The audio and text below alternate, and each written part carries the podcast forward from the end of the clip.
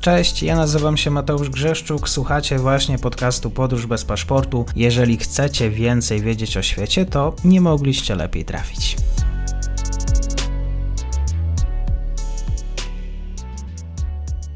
Dzień dobry wszystkim słuchaczom. Mam dzisiaj wielką przyjemność gościć na kanale. Ze mną jest Jędrzej Błaszczak z Instytutu Nowej Europy. Dzień dobry, bardzo mi miło. Dzień dobry, dziękuję za zaproszenie. Będziemy rozmawiać o Bułgarii, o bułgarskiej polityce. Rozpoczniemy oczywiście od wątków wschodnich, od wątku Ukrainy. Przyznam, że nie do końca wiem, jakie jest właściwie to stanowisko Bułgarii, bo z jednej strony informacja o tym, że Bułgaria jest przeciwko wstąpieniu Ukrainy do NATO. Prezydent e, Radew uważa, że jakby ta decyzja o członkostwie Ukrainy może być podjęta dopiero po jakby wypracowaniu jasnych postanowień. Mamy oczywiście wątek e, tego, że no całkiem niedawno również również gruchnęła informacja, że Bułgarzy chcą kupować samoloty e, od Amerykanów, F-16, o ile dobrze pamiętam. Mamy wątki energetyczne. Jakbym mógł Cię poprosić o taki skrót, o co chodzi w tym bułgarskim podejściu?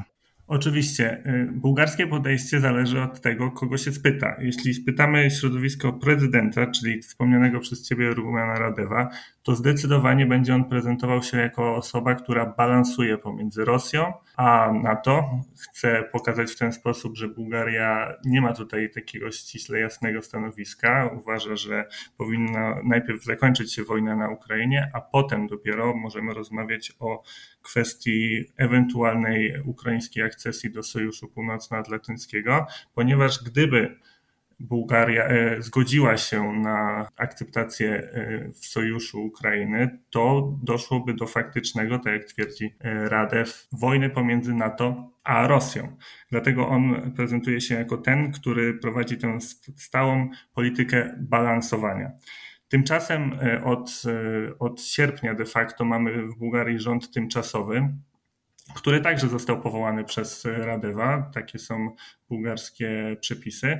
Więc oni także starają się prezentować bardzo wyważone w kontekście oczywiście bułgarskiej polityki stanowisko balansu.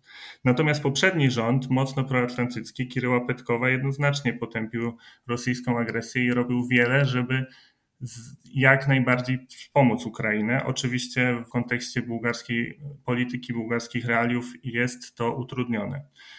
Do tego dochodzą e, wybory, oczywiście. To jest taka ważna kwestia. 2 października mieliśmy de facto czwarte wybory w przeciągu 18 miesięcy.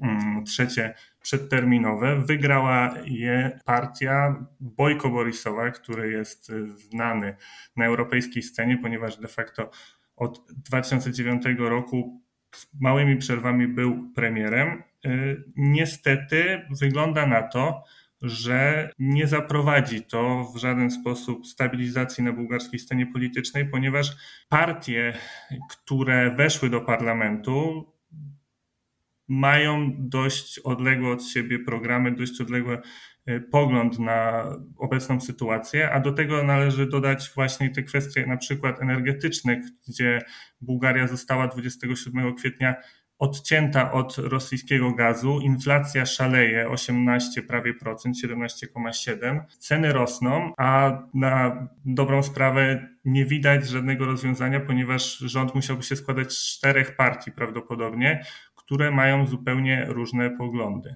Y, widoczny tutaj został wzrost partii prorosyjskich, ponieważ partia mocno nacjonalistyczna, jawnie prorosyjska zdobyła 10%, a partia związana z prezydentem y, byłego premiera tymczasowego, a także byłego ministra obrony narodowej, który swoją drogą został zdymisjonowany w marcu po agresji rosyjskiej na Ukrainę, ponieważ powielał rosyjską narrację. Stefana Jenewa zdobyła także ponad 4% i się dostała do parlamentu, dlatego jedyne, co można powiedzieć po tych wyborach, to fakt, że widocznie zostały tutaj wzmocnione partie, które sympatyzują z Moskwą. Wróćmy jeszcze do wątków e, energetycznych, do gazu. Z tego co wiem, do Bułgarii płynie gaz z Azerbejdżanu. To jest inicjatywa bułgarska. Azerowie wyszli z tego typu inicjatywą?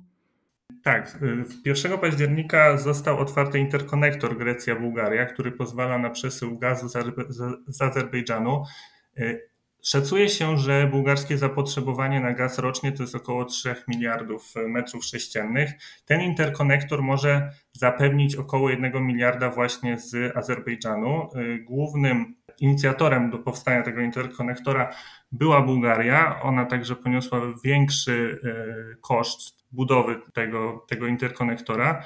Przy czym, tak jak widać, to nie jest wystarczająco, dlatego Bułgarzy szukają różnych innych e, możliwości. Także e, czekają na budowę odpowiedniej infrastruktury w Grecji, która w Aleksandropolis pozwoli im przesyłać w 2023 około pół miliarda metrów sześciennych gazu. Rząd Radewa próbuje negocjować z Rosją. Tak jak wspomniałem, e, ten rząd tymczasowy związany z prezydentem e, stara się uzyskać w jakiś sposób e, na nowo dostęp do, do rosyjskiego gazu przed zimą. Na ten moment niestety dla Bułgarów zapowiada się, że tego gazu może brakować. A jeżeli chodzi o ten wątek militarny, bezpieczeństwa e, i właściwie współpraca z NATO, jaka dzisiaj atmosfera pomiędzy Brukselą a Sofią? Bułgaria niezmiennie od samego początku wspiera działania Brukseli przeciwko Rosji. Tutaj są e, konsekwentni. Oczywiście robią to w trochę w inny sposób niż państwa naszego regionu. Raczej kamuflują się z tym, e, mimo że e, Bułgaria wysyła broń, to nie jest to wysyłanie broni tak e, jawnie, tak jak mamy na przykład to w krajach typu Polska czy, czy kraje bałtyckie. Dzieje się to głównie przez e, tranzyt z Polski i Rumunii. Politycy, jeszcze ówczesny rząd Kiroła Petkowa o tym głośno nie mówił, ale na przełomie marca, kwietnia, maja Wykonano około 50 lotów bezpośrednio do Rzeszowa, skąd bułgarska broń trafiała na front na Ukrainę. Co istotne, to była rzeczywiście realna pomoc. Oprócz tego e, Bułgarzy wspierają humanitarnie, zadeklarowali się, że będą remontować e, ukraińską broń, ukraińskie czołgi. Mają tego dość sporo po pozostałości po, po Związku Radzieckim jeszcze. Także e, Generalnie na bułgarskiej scenie panuje konsensus, że powinniśmy wspierać Ukrainę. Raczej jest kwestia, w jaki sposób powinniśmy to robić. ten pogląd mocno proatlantycki reprezentuje większość partii, tych głównego nurtu. GERB, który wygrał wybory, kontynuujemy zmiany e, byłego premiera. To są wszystko partie, które mocno liczą, że Ukraina zwycięży w tej wojnie. Tak jest. E, dzisiaj komentarz bułgarski. Jędrzej Błaszczak, bardzo dziękuję za spotkanie. Dziękuję bardzo, pozdrawiam. I to już koniec na dzisiaj. Zapraszam na profil podcastu Podróż bez paszportu na Facebooku, Instagramie i Twitterze. Zachęcam też do wsparcia mojej pracy na serwisie Patronite oraz Buy Coffee. Do usłyszenia.